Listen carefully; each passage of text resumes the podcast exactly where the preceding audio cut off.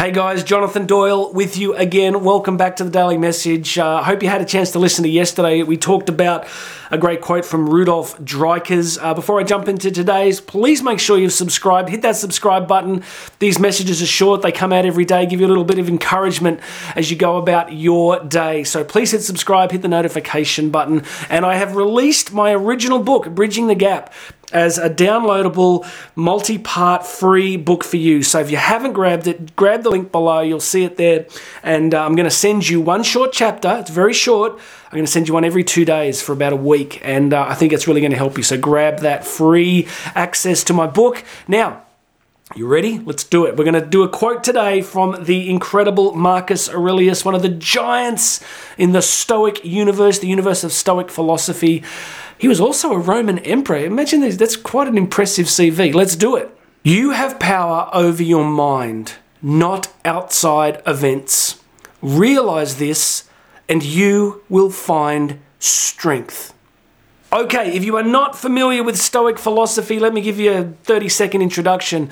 I guess the Stoics were the first to kind of say, look, life is pretty difficult. You know, their time in history, life expectancy was probably 35, maybe. Um, disease, death, you know, infant mortality was off the charts. Life was difficult. Food, so you know, was food scarcity was a thing. Your, your chance of getting overrun by some other nation, tribe, or empire was pretty likely. So the Stoics took a position of, wow, uh, life is kind of nice. Like there's flowers and there's nice things and there's friendship and there's pleasures that we have but there's also this great deal of suffering that happens. So they were trying to deal with the question of what do we, how do we, how do we deal with that?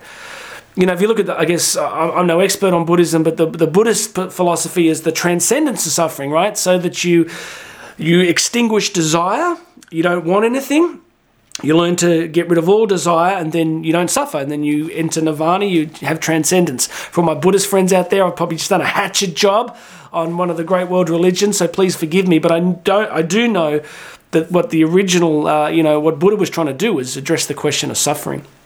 And so the Stoics are doing it too. The Stoics took a different approach. Was how do you accept it? Instead of extinguishing desire, how do you accept the reality of suffering and how should you act in the face of it? How should you conduct yourself when life is difficult? Isn't that a great question for us? How should we conduct ourselves in the face of difficulty, suffering, loss, and adversity? It is okay to uh, jump up and down, have a meltdown, but then what do we do after that? I remember there was a point early in uh, COVID when, you know, all my US speaking had stopped, and I was just so frustrated. I was really frustrated at the way that the that the governments were dealing with it, and I blew up. I was remember I was downstairs in my house talking to Karen, and I just I had a tantrum, friends. I had a tantrum, and uh, so it's okay when life's difficult. We can get upset, but then what do we do? How do we manage it? So, what Marcus Aurelius is telling us today is let's begin with the first point. We don't have control over much of outside events.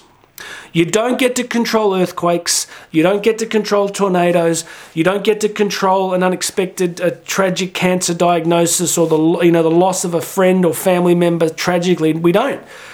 We we're not God, right? Like we we don't. There's so much of reality that we don't get to control.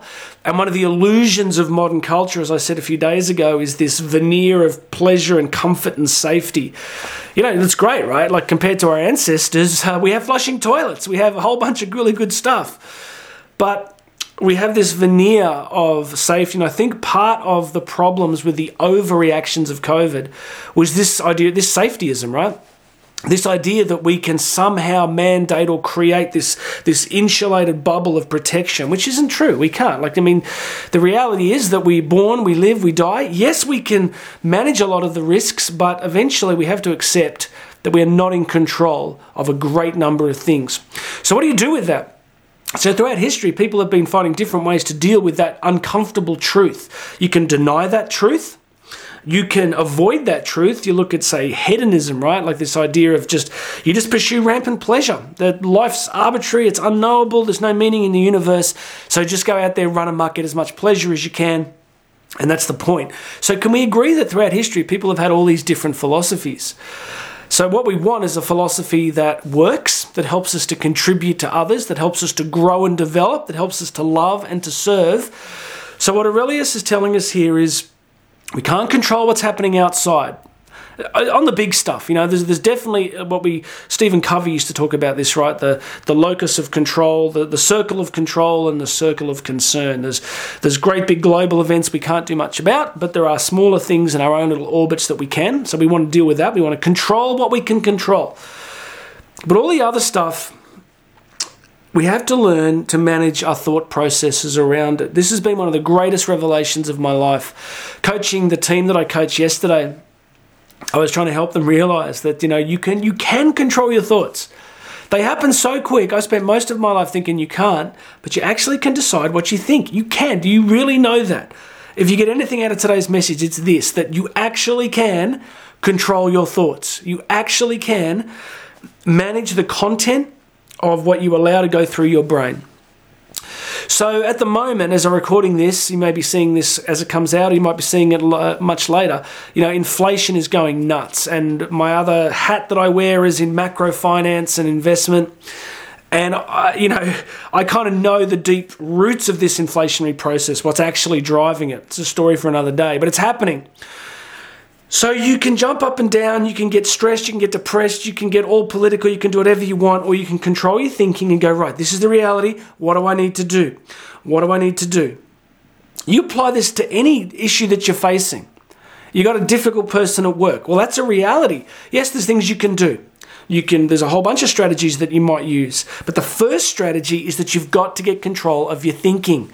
You've got to get control and you just got to say, is it positive? Is it negative? Is it helping me to grow? Am I going to be a better person? Is this, a, this is hard. So me telling you this, I, I wrestle with this. I fight with this. Uh, and related to this is this idea that, um, Look, this goes back to a lot of the early personal development thinking, and sadly, I think this idea that I'm about to share got kind of it lost a lot of credibility with that book, The Secret, and the movie.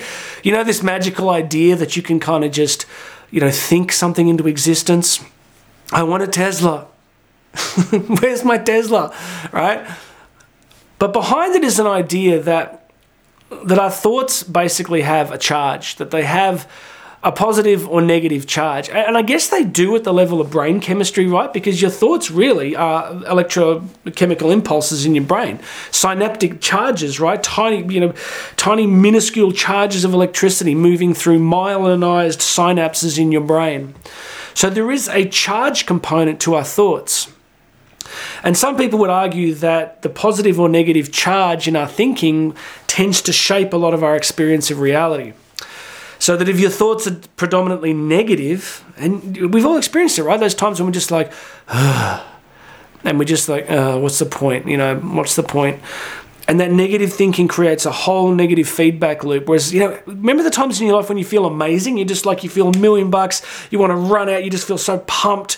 There's a different energy, right? There's a different energy in your thoughts, there's a different energy. The simplest example of that is imagine, you know, watching a favorite sporting team Imagine if you have a team that you've loved since you were young, or you know, just work with me here, and you're at a grand final and there's two seconds to go and your team wins. Like, how many of you were just like, "Oh, that's great. I'm glad they won." I guess. You know what actually happens is the entire crowd just goes crazy. You use your body differently, your thinking's different, and you get this charge. So this is longer than I wanted to go, but you know, uh, Marcus Aurelius in today's quote is reminding us that maybe we don't get to control a fair bit of what's happening. But there is one part we can control, and that's the thinking that we bring to it. And I just want to encourage you because I spent most of my life thinking that you just couldn't. I spent most of my life thinking that, well, you know, you just this is just how I think and this is reality. And it's like, no, you do get to control it. Isn't that good news? I think it's good news. Good news to know that you can actually control what you think. All right, that's it for me today. Please make sure you subscribe. Grab your free access to my book, Bridging the Gap, in the link below. Share this with a few friends. My name is Jonathan Doyle, and I'm going to have another message for you tomorrow.